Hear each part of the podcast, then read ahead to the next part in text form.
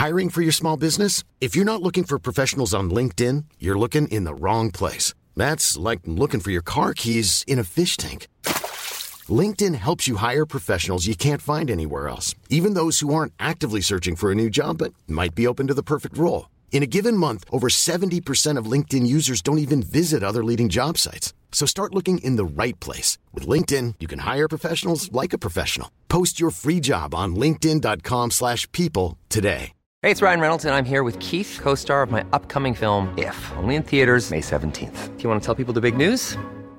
All right, I'll do it. Sign up now and you'll get unlimited for $15 a month in six months of Paramount Plus Essential Plan on us. Mintmobile.com slash switch. Upfront payment of $45 equivalent to $15 per month. Unlimited over 40 gigabytes per month. Face lower speeds. Videos at 480p. Active Mint customers by 531.24 get six months of Paramount Plus Essential Plan. Auto renews after six months. Offer ends May 31st, 2024. Separate Paramount Plus registration required. Terms and conditions apply if rated PG. Hey, I'm Ryan Reynolds. At Mint Mobile, we like to do the opposite of what Big Wireless does. They charge you a lot, we charge you a little. So naturally, when they announced they'd be raising their prices due to inflation, we decided to deflate our prices due to not hating you.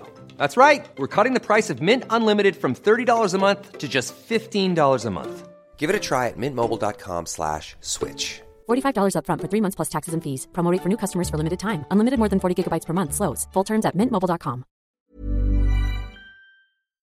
Vi är denna vecka sponsrade av Indie Beauty. Och Sofie, det här tycker jag är extra fint och extra roligt. Ja men Indie Beauty är ju ett skönhetsvarumärke som jag tror att väldigt många känner till, men det jag älskar mest det är att Indie Beauty liksom vill vara mer än bara produkter, vilket de ju också är. Exakt. Indie Beauty står ju för Independent Beauty, skönhet på dina villkor och för din egen skull.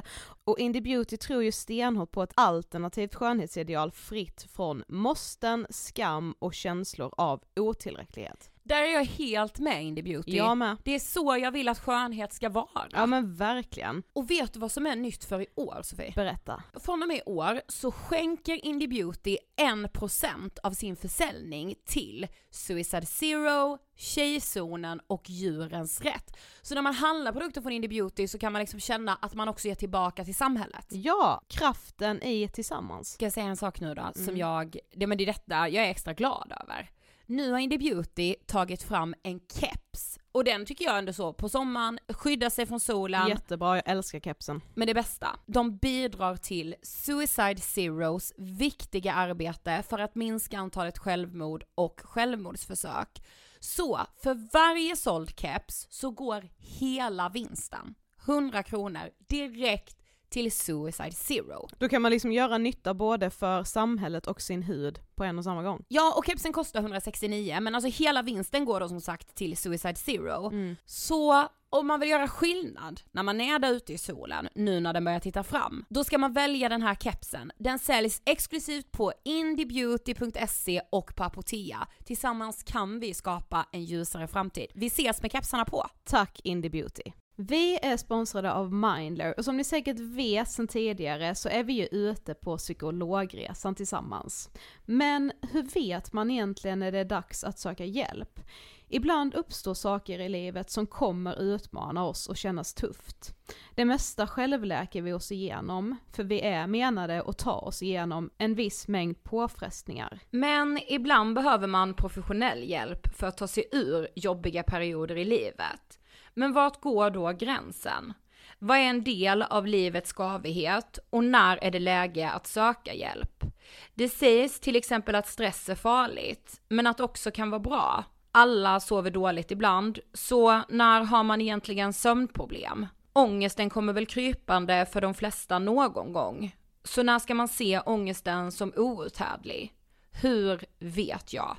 Med oss som psykolog har vi såklart min gamla psykolog Linnea Seidbrant. Men Linnea, vad är egentligen utmattningssyndrom? Utmattningssyndrom är en konsekvens av svår och långvarig stress utan möjlighet till återhämtning. Vi är ju då skapta för att klara av stress, men vi behöver också återhämtning. Om du utsätts för för mycket stress under en lång period utan att du får till den nödvändiga återhämtningen så kommer kroppen till slut att säga ifrån. Och det är faktiskt så att alla har en gräns. Du kan drabbas av en rad fysiska eller psykiska besvär som trötthet, sömnproblem, hjärtklappning, besvär från magen och tarmarna och mycket annat. Och det här är ju då varningssignaler och tecken på att du kan behöva göra någonting åt din situation. Annars så kan besvären utvecklas till att du mår så dåligt på sikt att du blir psykiskt och fysiskt utmattad. Ladda ner Mindler till din telefon och läs mer på mindler.se.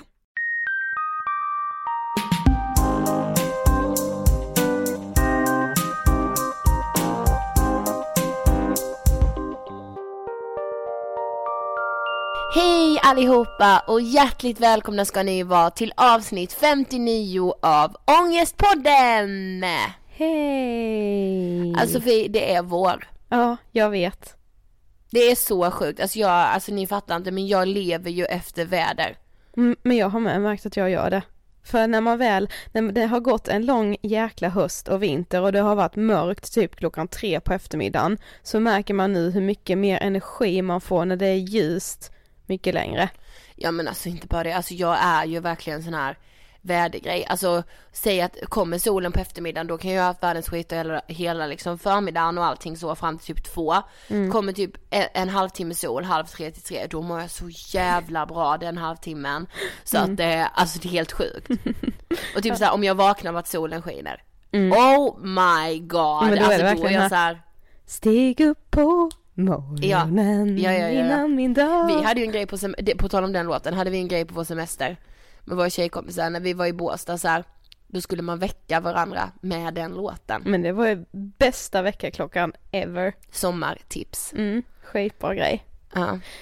Innan vi drar igång dagens avsnitt så ska vi ju faktiskt eh, ge er ett hett tips. Ja, alltså vi älskar ju detta. Mm. Speciellt podcasttips, det älskar vi ju. Mm. Den här veckan så vill vi verkligen tipsa er om Framgångspodden som drivs av Alexander Pärleros. Yes, han har en podcast där han intervjuar framgångsrika människor och då behöver inte det vara framgångsrika som i att de har tjänat mycket pengar utan de har gjort liksom en fantastisk resa där de kanske har eh, hjälpt sig själva, hjälpt andra människor och liksom nått sina mål och det är så sjukt inspirerande att lyssna på. Eller hur du och jag när vi lyssnar på detta. Eller har lyssnat. Nej men då har vi så mycket idéer och sen ska vi prata om detta, vad den här personen har sagt som han har intervjuat och sen, ja och jag måste tipsa om mitt favoritavsnitt. Mm, så tipsar jag om mitt. Okej, mitt favorit är när han intervjuar Elaine Eksvärd. Mm. Alltså, jag är så blown away av det avsnittet alltså. Mm. Ja, det gillade jag också. Mitt favoritavsnitt är utan någon som helst tvekan när Alexander Pärleros intervjuar Alexander Bad. Ja, wow. Det var helt Så fantastiskt. veckans podcasttips. Mm. Framgångspodden. Eh, den här veckan har vi ju ett eh, önskat ämne. Mm. Idag ska vi prata om generaliserat ångestsyndrom.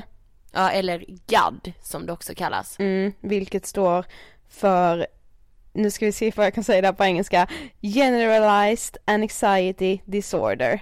Mm. Ehm, det här är ju en av de vanligaste ångestsjukdomarna som finns i Sverige. Mm. Och trots det så pratar man cirka noll om den. Ja, jag tänkte säga det, det måste vara den vanligaste liksom ångestsjukdomen att ha, men den ovanligaste att prata om. Ja men typ. Mm. Vi gästades ju i alla fall av Lisette. Mm. Ja men alltså please, jag vill ha Lisette med mig varje dag. Ja, vilken underbar liten guldklimp vi har hittat känner jag. Ja, alltså så fantastisk. Ja, Mm. ni kommer i alla fall få höra. Ja. Men alltså det som är kul tänkte jag säga, nej men en grej med GAD. Mm. Jag trodde ju att jag hade generaliserat ångestsyndrom när jag gick i terapi för min panikångest. Mm. För då läste jag de symptomen och jag bara, ah, det här är jag, det här är jag, det här. Ehm, och min psykolog bara, nej det har du inte. Så här, men jag kunde ändå känna igen mig nu när vi intervjuade Lisette jätte, jättemycket i hennes berättelse. Mm. Men jag insåg ändå att det inte var det jag hade. Ehm, ja, det var bara en parentes egentligen men Mm. Hon hoppas verkligen att hon kan inspirera er som lyssnar och jag tror verkligen att hon kan göra det och jag hoppas nej också. men alltså tror och tror. Ja. Alltså jag är så övertygad. Det här är ett sånt proppat avsnitt av lärdom, av känslor och framförallt inspiration. Mm.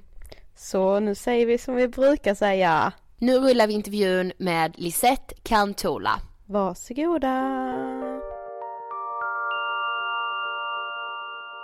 Hej Lisette och välkommen till Ångestpodden! Hej! Tack så jättemycket! Gud vad kul att vara här. Ja, det är så kul att ha dig här. Vi blir så exalterade, det är så kul! Ja, det, det är det verkligen. Ja. ja, jättekul. Men vi börjar så här. vem är Lisette? Lisette, eh, jag skulle, om man får vara lite snäll mot sig själv, som man, ska man. Ja, mm. som en, man är det för sällan, så mm. skulle jag nog beskriva mig som en ödmjuk och ganska sprallig tjej, eh, positiv och eh, ja. Um, det känns väldigt härligt. Jag skulle säga det, vi har bara sett nu i typ 10 minuter, exakt de orden skulle jag typ också beskriva dig. ja, det var roligt. Ja. ja, alltså jag är född och uppvuxen i Norrland, i Gällivare, men man hör det typ inte på min dialekt något mer efter tre år i Stockholm så att eh, mina kompisar i Gällivare säger typ nej, ja. ja man känner inte igen din röst något mer. men, men vi hör lite. Ja, jag lite hör norrländskan. Ja. ja. Så jag trivs jättebra här i Stockholm och mm. ja, så, mm. så är det. Ja.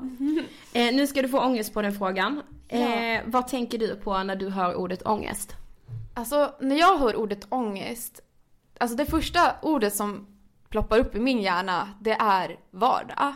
Mm. Um, typ mitt liv, skulle jag vilja säga mm. faktiskt. Mm. Ja shit, det är första gången. Ja, det, ja verkligen. Ja. Första gången det blir, äh, ja. ja. Mm. Men studier visar att flera hundratusen personer lider av det så kallade generaliserade ångestsyndromet, mm. eller GAD som mm. man också säger. Men hur skulle du beskriva diagnosen GAD? Alltså jag skulle nog beskriva det som mer eller mindre en ständig oroskänsla och ångestkänsla i bröstet. Alltså den varierar i styrka från, det kan vara minut till minut, från timme till timme, från dag till dag.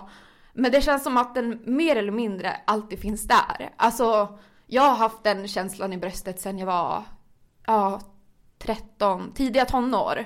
Så har jag haft den känslan i bröstet och den, den varierar i styrka. Men den, den, på, man gör, den gör sig påmind väldigt, väldigt ofta. Man mm. kan ju såklart ha bra dagar, jag har också jättebra dagar och är, gör alltid det bästa jag kan liksom och har roligt och allt sånt. Men den, den finns ofta gnagandes där i bakgrunden. Mm, ja för vi tänkte just på det, alltså när man läser om GAD, ja men på någon så här kanske läkarserie, ja men ni vet såhär 1177, mm. Mm. då ser det ju ut som att man ständigt går runt med den här oroskänslan som du beskriver. Mm. Men du kan alltså ha dagar där du är helt fri från det också? Ja, jo men alltså det skulle jag ändå kunna säga. Och mm. i alla fall som jag inte märker av den. Den kan liksom, när jag har en riktigt bra dag, då kan jag liksom nästan glömma bort den.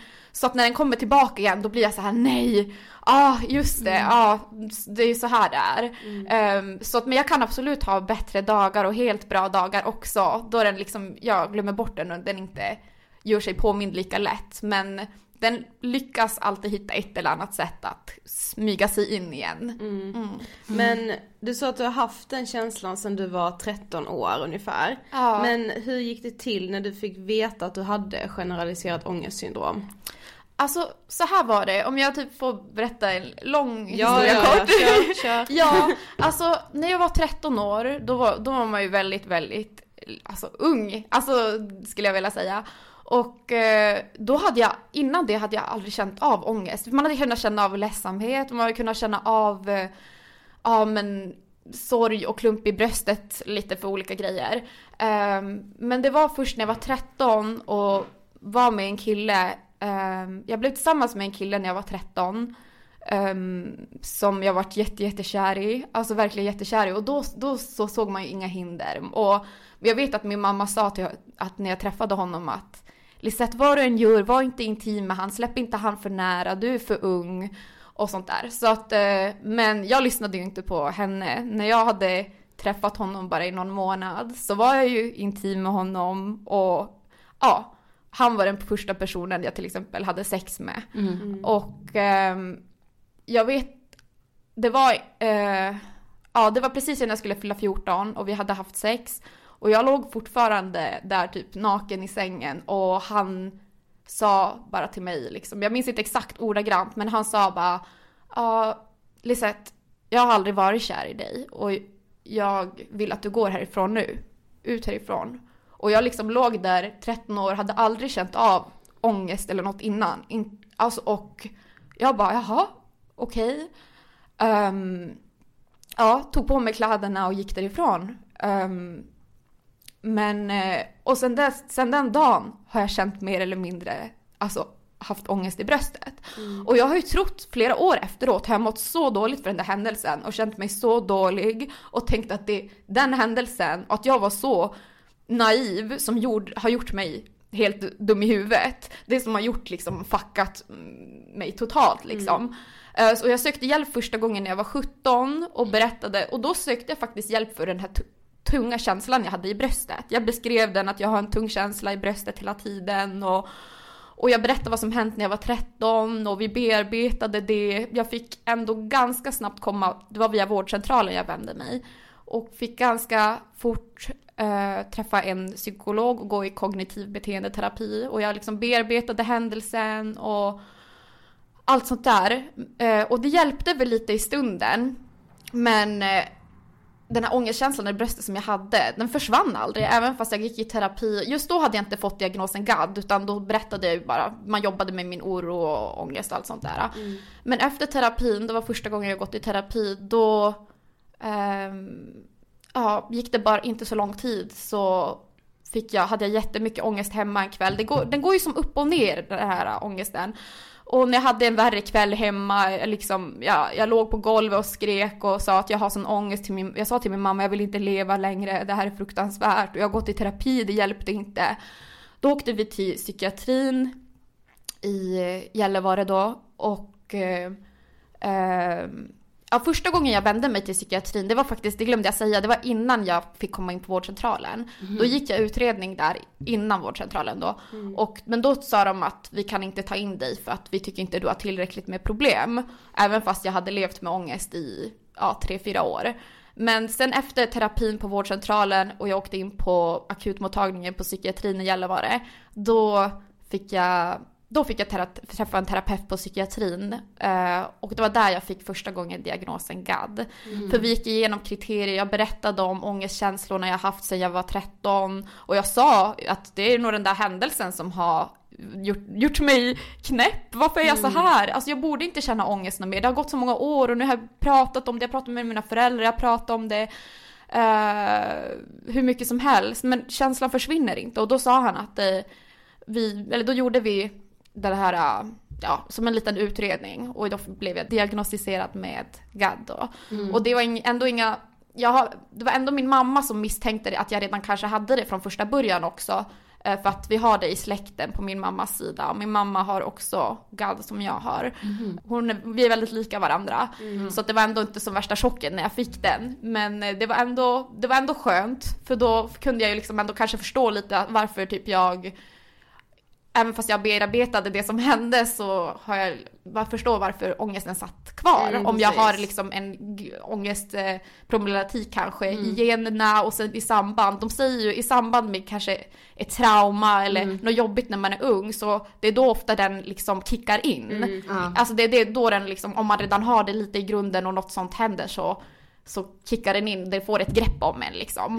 Så att det kanske inte var själva händelsen i sig som har gjort att jag har ångest och haft ångest alltså ända, fra, ända idag. Utan det kan ju vara att jag hade det också. Jag vet inte, det är inte helt solklart hur diagnosen men jag, det verkar som att det är både biologiska, att man är född med det och sen hur en upp, uppväxt ser ut lite grann. Ja, vi kom in lite mer på det sen. Mm. Eh, men du skrev till oss att du hade blivit diagnostiserad tre gånger på Ja. tre olika sjukhus. Ja. Berätta lite mer om det. Ja men precis. För jag blev diagnostiserad med GAD första gången i, i Gällivare. Och sen när jag flyttade till Stockholm hade jag fortfarande, även fast jag hade gått i kognitiv beteendeterapi en gång till mot GADen då, så hade jag fortfarande mycket ångest i bröstet. Jag flyttade till Stockholm ja, nu, ja, det var ett år senare ungefär. Ehm, och hade fortfarande jättemycket ångest i bröstet. Och jag vände mig till vårdcentralen här i Stockholm. Och de skickade mig till Jakobsberg sjukhus där jag gick utredning igen och fick diagnosen en gång till. Och då gick jag i gruppterapi. Eh, det är då min tredje terapi som jag gick. ehm, och eh, mot, mot ångesten. Och det, alltså det hjälpte ju väl till viss del. Man fick väl lite små verktyg.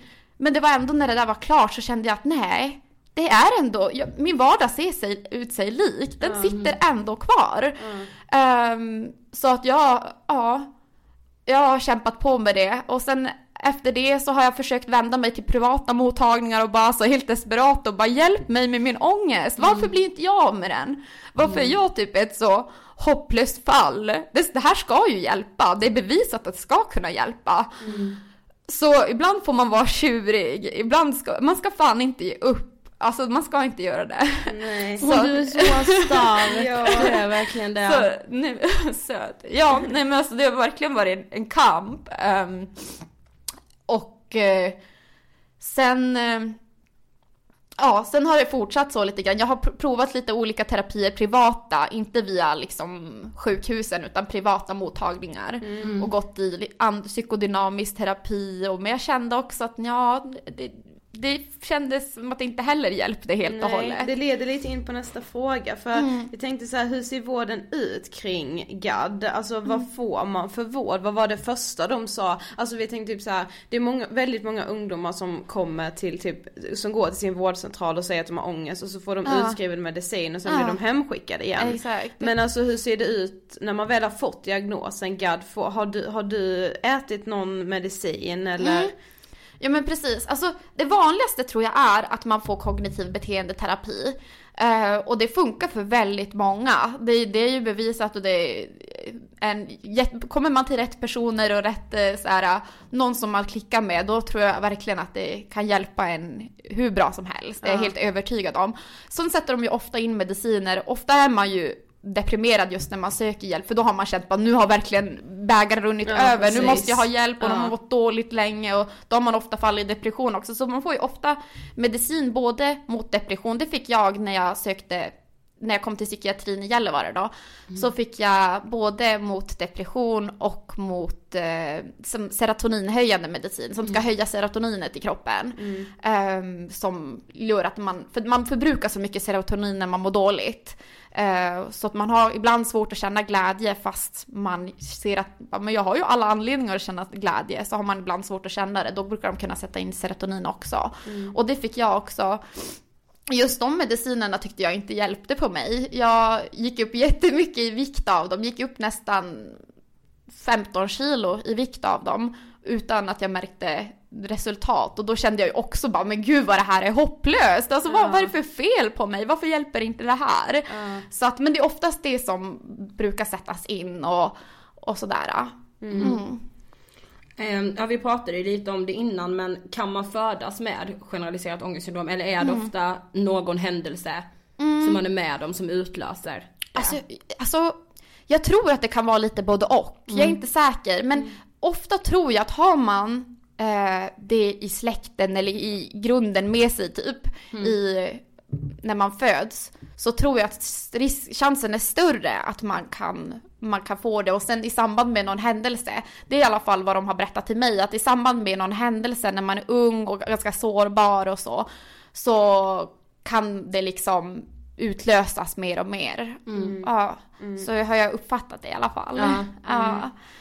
Ja, nästa fråga var så här, vet du varför du drabbades? Men du pratade Mm. lite om att det redan låg i er släkt och sen Ja. den här händelsen då med den här killen. Ja. Men när du gick i liksom KBT då ni pratade om din barndom och så, Mm. fanns det liksom fler händelser som kunde liksom ha en bidragande faktor till det här? Mm. Eller var det mest, kom ni fram till att det var den situationen som liksom utlöste det hela? Ja, alltså det var... Vi märkte inte någonting av min tidigare uppväxt och så faktiskt. Men det var den händelsen. Sen hände det andra grejer i samband med den händelsen och jag... ja, det var tufft, jobbigt i skolan. Ja jag, för det tänkte jag med på liksom, hur var det i skolan? Alltså hade Ja.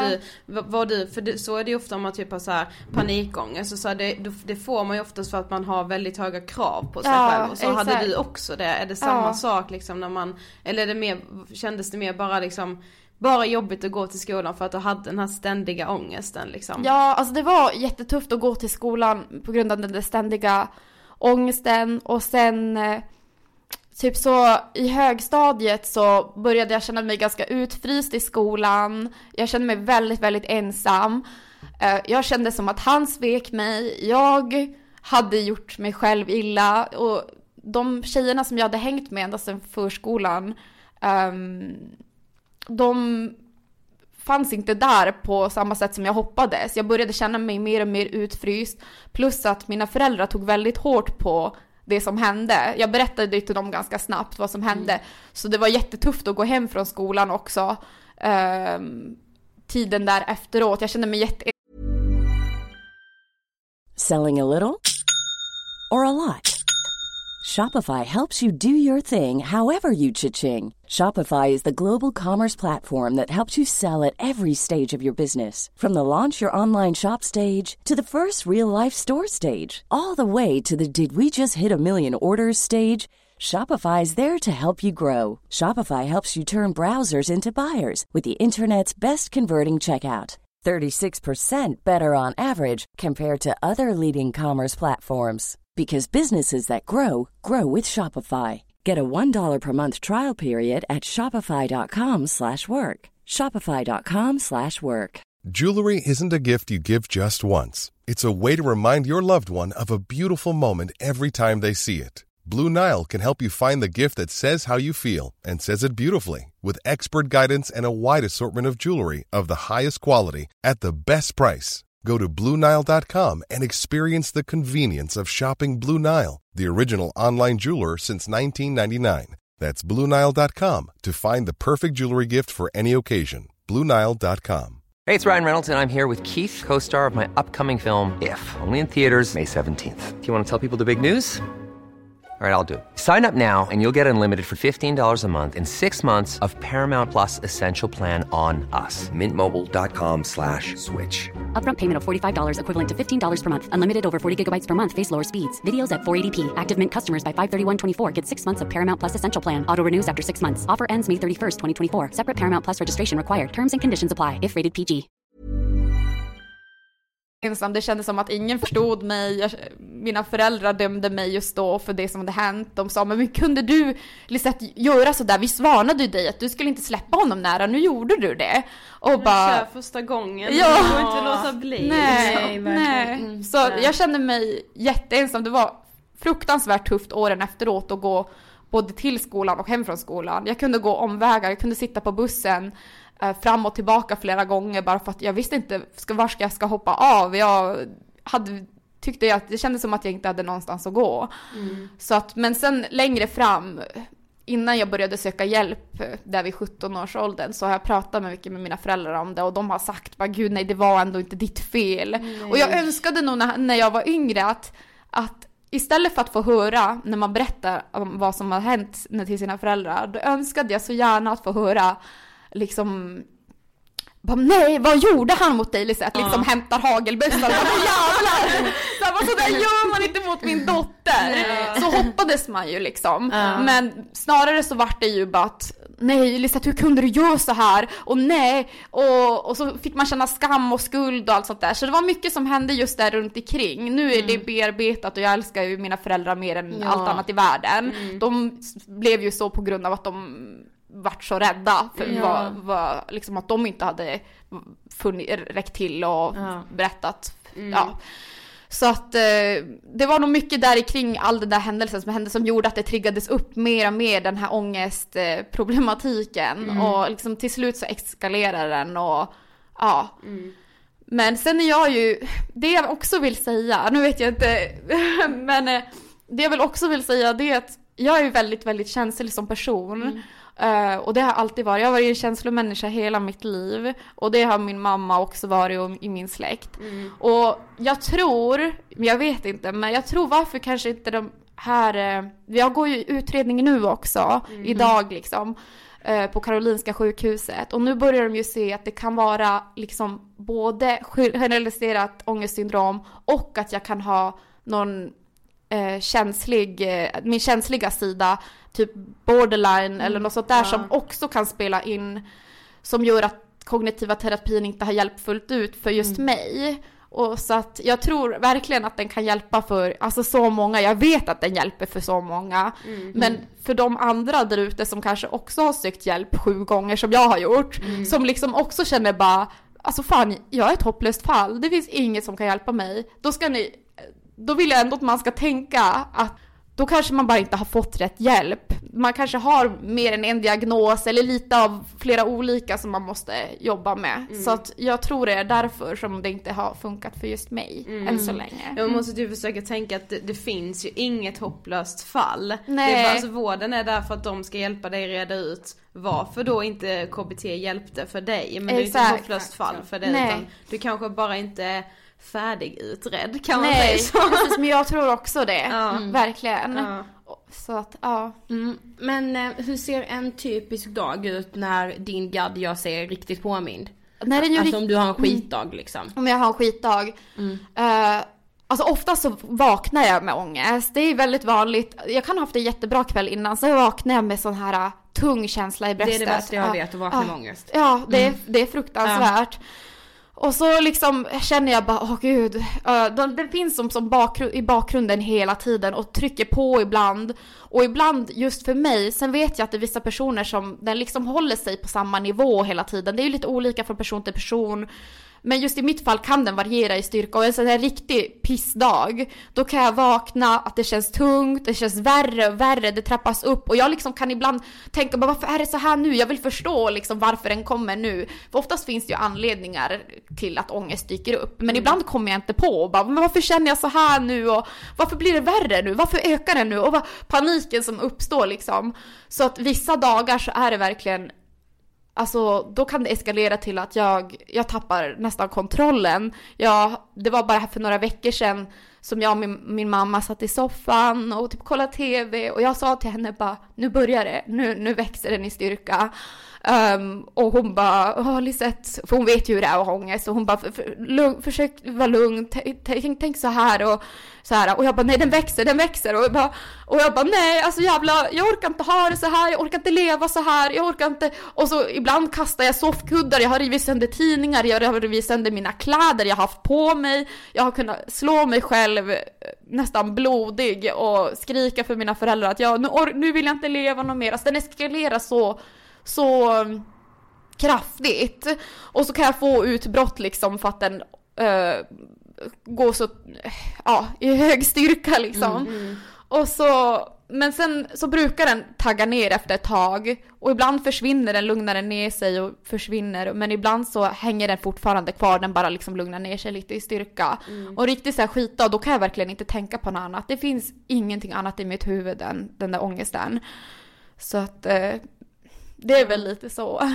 Mm. Ja, du är väldigt stark måste jag bara säga. Eh, men hur lär man sig att leva med generaliserat ångestsyndrom? Ja, alltså. Jag vet inte hur jag ska säga men alltså. Jag personligen känner jag att jag kommer inte. Jag kommer nog aldrig lära mig att leva med den fullt ut. Jag kommer liksom kämpa tills jag har fått ordentlig hjälp med den. Sen eh, hur man liksom ska hantera dagar och sånt där. Det är att bara fokusera på att göra det bästa du kan alltid. Alltså, man, alltså vissa dagar vaknar jag och bara nej, alltså jag vill inte leva en dag till. Om det är så här det är att leva och ha den här känslan i bröstet hela tiden, då kan jag lika gärna låta bli. För när jag får så här ångest och den varierar i styrka och när den blir lite kraftigare, då kan jag som, då ser jag på livet med andra ögon. Och jag tror det är för, så för väldigt många att man liksom man ser inte allt positivt man har utan man, man känner bara den här äh, kraftiga ja, ångestkänslan och eh, Ja, man kan typ, jag kan i alla fall tappa mina sunda värderingar. När jag mår bra, då kan jag bara fy fan vad livet är fint och jag älskar min familj, jag älskar mina vänner, jag älskar verkligen det jag gör, jag älskar att gå ut när solen skiner och jag älskar, ni vet allt sånt där. Men när, när, den, när jag har mm, och mer ångest och den, sådär, då, då tappar man liksom det där. Då kan jag känna bara gud, alltså vad finns det ens för mening? Varför, är det ens, varför lever man om man ska må så här? Men om det finns något tips jag kan ge till alla andra som också har mycket ångest, som lever med ångest. Alltså, gör allt ni kan i eran makt för att liksom inte låta den påverka era liv.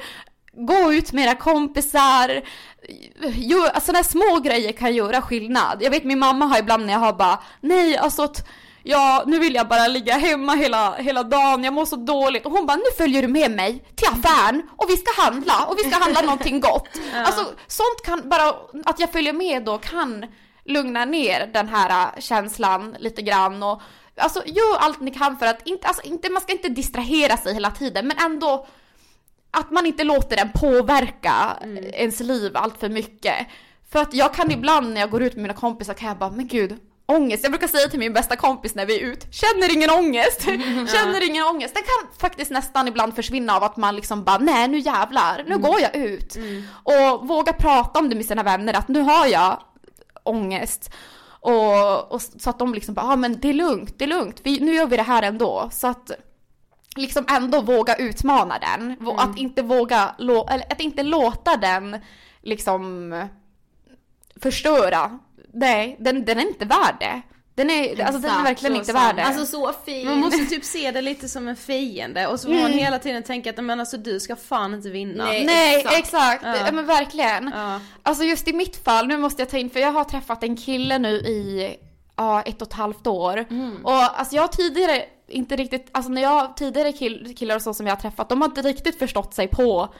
Men eh, nu han som jag har träffat senaste året, alltså så jävla, jävla underbar. Eh, han, han kan säga, för jag, jag kan ibland till exempel när han är typ sen eller när han är seg på att svara, det kan trigga igång min ångest och bara varför, nej, och, och bara, ja men, och så bubblar det upp massa tankar och känslor och allt sånt där. Och blir jag sur på honom när han väl hör av sig kan jag bara, men varför? Varför, var, varför var du så seg? Och bara typ sådär. Då kan han bara, Lisette, så kan han typ peka på någonting, ja men typ på garderoben och bara Lisette, där är ångesten. Jag är här bredvid dig och jag sitter bredvid dig. Jag är inte din fiende, där är din fiende, där är våran fiende, vi ska krossa den jäveln! Att, nej, den ska, inte få den ska inte få påverka oss, den har inte rätten att påverka oss. Han bara, och jag är, sitter här bredvid dig, jag står och sitter bakom dig hela tiden. Och där borta är den, bara, nej nu jävlar, nu, nu stänger vi in den där, den får inte, får inte påverka oss Nej, nu. precis. Så att det är ändå jätteskönt, han förstår ju den där. Alltså det där var typ bästa anhörigtipset jag har hört också. Ja, det är Att- faktiskt alltså att jättebra. såhär, Verkligen bara, det här är vår fiende nu så nu, nu bekämpar vi den jäveln. Mm. Ja exakt, exakt. Ja, För jag har det så tror lätt jag verkligen hjälper. Exakt, för jag har så lätt att liksom om någon person kanske, ja men så här, man känner sig lite dissad eller man, man sådana där grejer, det kan trigga igång mycket ångest hos just mig i alla fall och sen är det olika för personer, person till person.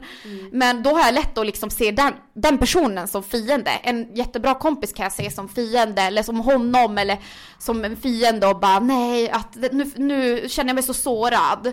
Men då är det viktigt att bara, det är inte den som är fienden. Den, är, den står på din sida. Det, det är ångesten som är fienden och man ska inte låta den påverka.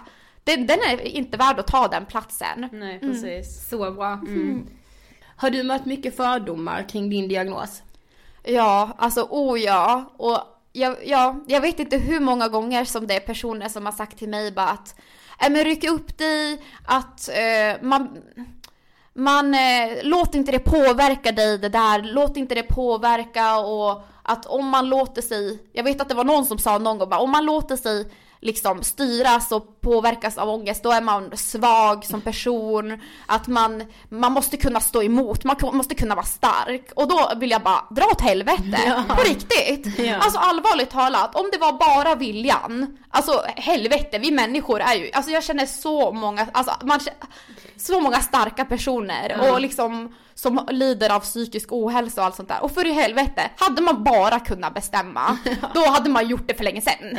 Alltså då hade man gjort det för så många år sedan. Man går ju inte frivilligt och mår dåligt. Nej. Och det, man säger ju inte för skojs skull att jag har ångest eller typ så här att för att få, alltså för att få uppmärksamhet till något. Det är ju mycket trevligare att få uppmärksamhet av att liksom sprida energi och vara Ja, glad och, man, precis, och exakt. sådär. Men jag att- kan tänka mig att det blir mycket fördomar typ så här för att eftersom du sa ju typ såhär, men det är klart att man ska typ försöka gå ut och försöka göra Mm. roliga saker med sina vänner. Och det som folk ser, det är ju bara då att du har gått ut och haft Ja. kul. De ser ju inte eh, hur mycket du har fått förbereda dig för den Nej, utgången. Att du exakt. kanske har gått till krogen och känt Mm. på vägen dit att Nej. alltså jag borde typ gå hem men nej jag ska inte låta ångesten vinna. De ser ju Mm. bara att du har gått ut och då blir Ja. det typ den här att ja men hon är ju ute. Hon Ja. verkar ju vara skitglad. Hon Mm. har inte ångest. Nej, För då exakt. vet hon inte vad ångest är liksom. Nej men då vet de inte. Nej. Nej. alltså den generella bilden av vad ångest är, det är ju det här att man ligger hemma, man orkar inte ta sig upp ur sängen, liksom Mm. att man, att man bara typ ger upp är helt fel ord att säga, men att man inte kan göra sådana saker. Men Mm. folk ser ju inte att man kan kämpa sig igenom ångesten genom att faktiskt göra roliga ja. saker. Ja men precis. Ja. Man är så himla snabb på att döma och, Ja. och ja, liksom tro att man bara vet. Men det är så irriterande Ja. när någon annan ska komma och berätta för en hur man mår. Liksom. Ja, så här, exakt. ja men nej du, du mår inte så eller nej Mm. det är inte så farligt. Liksom. Nej exakt. Man bara, men du har ju ingen aning. Och Nej. som du sa innan, man väljer ju inte det. nej, Alltså, nej precis. det är aldrig ett val liksom. Mm. Vi har kommit fram till sista frågan. Har vi? Ja. vad inspirerar dig? Alltså det som jag tror inspirerar mig allra, allra mest, det är fan personer som inte ger upp. Alltså som vägrar låta hinder och mående och sånt styra ens liv. Alltså typ till exempel, ja, personer som har varit med om tuffa grejer som ändå står på benen. Alltså det är det mest inspirerande tycker jag. Mm. Och att liksom att man kämpar, tror jag. Faktiskt. För man ska fan inte ge upp. Nej. Det är verkligen det viktigaste. Alltså om det är någonting man ska komma ihåg. Om det är någonting man ska komma ihåg när man liksom står där och mår som sämst. Jag, alltså på min födelsedag för nu när jag fyllde år senast. Och då var vi ju, hade jag bjudit hem massa folk. Ehm, och allt var jätte, jättetrevligt och liksom, men alkohol det har ju en tendens att liksom framkalla ångest. Ibland lyckokänslor och ibland kan det snabbt, snabbt, i alla fall i mitt fall, svira om till ångest. Och där mitt i allt på min födelsedagsnatt så slog, stod jag där, eh, kastade min telefon i backen och bara skrek av ångest mitt i natten. När jag hade gäster hemma hos mig så bara skrek jag av ångest och förtvivlan och bara sprang ut och slog mitt huvud i träden och alltså allt sånt där. Och det är så svårt för andra tror jag att förstå ibland att eh, Ja men det är för att hon har ångest. Utan de tänker men, men gud, men hon var ju nyss glad och va, varför, varför blev det så där? Och gud vad konstigt. Men för en annan som, mina närmsta kompisar, de vet ju att jag lider av det här. Så för dem var det inget konstigt så. Ja, men eh, ja det är... Alltså vet du vad, du inspirerar mig så mycket. Ska Ja, verkligen mig också. roligt, det är gud vad kul. Ja. Du är så att- stark och din berättelse kommer hjälpa så många. Jag hoppas verkligen det. Och, ma- alltså ni ska fan inte känna er ensamma där ute. Alltså vi måste liksom hålla ihop nu när det, ja, just med psykisk ohälsa. Jag tror det var Magdalena Graf som skrev på sin blogg att det borde finnas en, en gala för psykisk ohälsa. Ja, och alltså det är verkligen så sant. Vi ska fan hålla ihop och peppa varandra, och, för man är inte ensam. Statistiken säger ju också att uppenbarligen, jag har känt mig ensam hela mitt liv med det här. Jag har känt mig så annorlunda, så konstig. Eh, Men statistiken säger ju att jag är ju inte ensam. Nej. Och varför har man så mycket lättare att typ prata om eh, andra så här, fysiska Ja, sjukdomar? Vi, och vi brukar säga såhär när man ska gå till läkaren typ, ja men jag har ont i halsen så jag ska gå och ta ett halsprov. Det är inget konstigt att säga det. Eller typ, ja Nej. men jag ska till tandläkaren idag. Nej Men man ska exakt. inte säga bara jag ska till min psykolog. Nej precis, det det säger man ju inte. Nej. Och det är så, så konstigt egentligen för jag vet att för man kan, man kan sjuk, sjukanmäla sig från jobbet eh, för att man har feber Mm. och allt sånt där. Eh, men att man sjukanmäler sig på grund av att man har stark ångest, det är som Jaha, men ryck upp dig, kom till Ja, jobbet ändå. precis. Och då blir jag också så arg. För alltså vad väger tyngst? Jag vet att feber är jättejobbigt, det har ju alla ibland och det har jag också.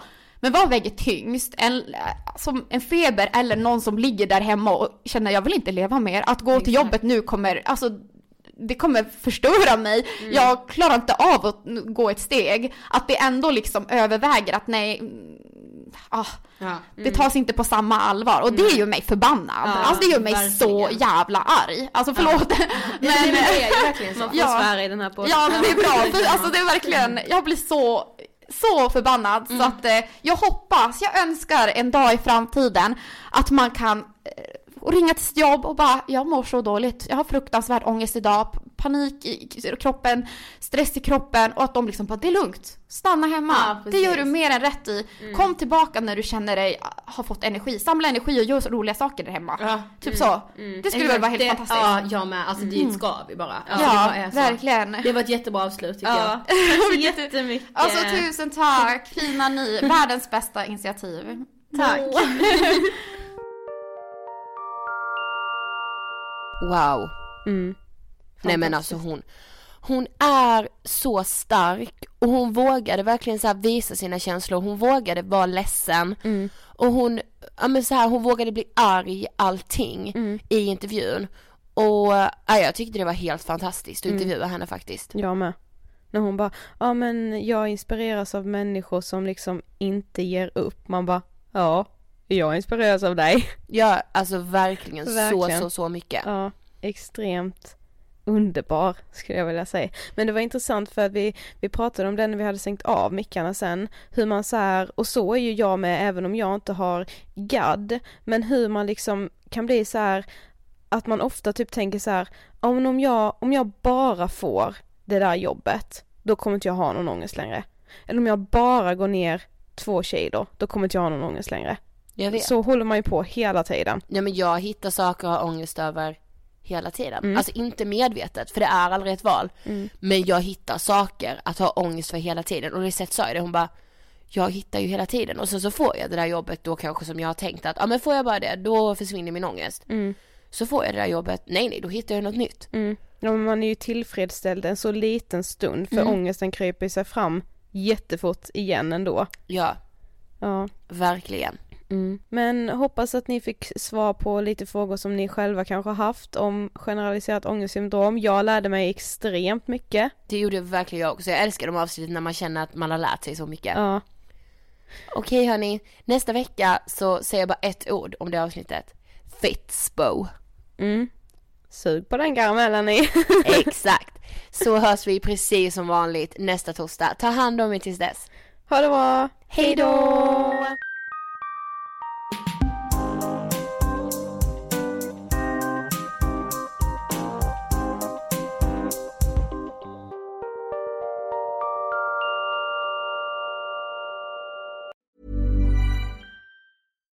Hi, I'm Daniel, founder of Pretty Litter. Cats and cat owners deserve better than any old fashioned litter. That's why I teamed up with scientists and veterinarians to create Pretty Litter. Its innovative crystal formula has superior odor control and weighs up to 80% less than clay litter. Pretty Litter even monitors health by changing colors to help detect early signs of potential illness. It's the world's smartest kitty litter.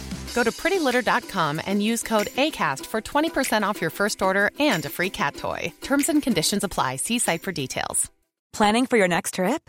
Elevate your travel style with Quince. Quince has all the jet setting essentials you'll want for your next getaway, like European linen, premium luggage options, buttery soft Italian leather bags, and so much more. And is all priced at 50 to 80% less than similar brands. Plus, Quince only works with factories that use safe and ethical manufacturing practices. Pack your bags with high-quality essentials you'll be wearing for vacations to come with Quince. Go to quince.com slash pack for free shipping and 365-day returns. Imagine the softest sheets you've ever felt. Now imagine them getting even softer over time. That's what you'll feel with Bowl and Branch's organic cotton sheets. In a recent customer survey, 96% replied that Bowl and Branch sheets get softer with every wash. Start getting your best night's sleep in these sheets that get softer and softer for years to come. Try their sheets with a 30-night guarantee. Plus, get 15% off your first order at bowlandbranch.com. Code BUTTERY. Exclusions apply. See site for details.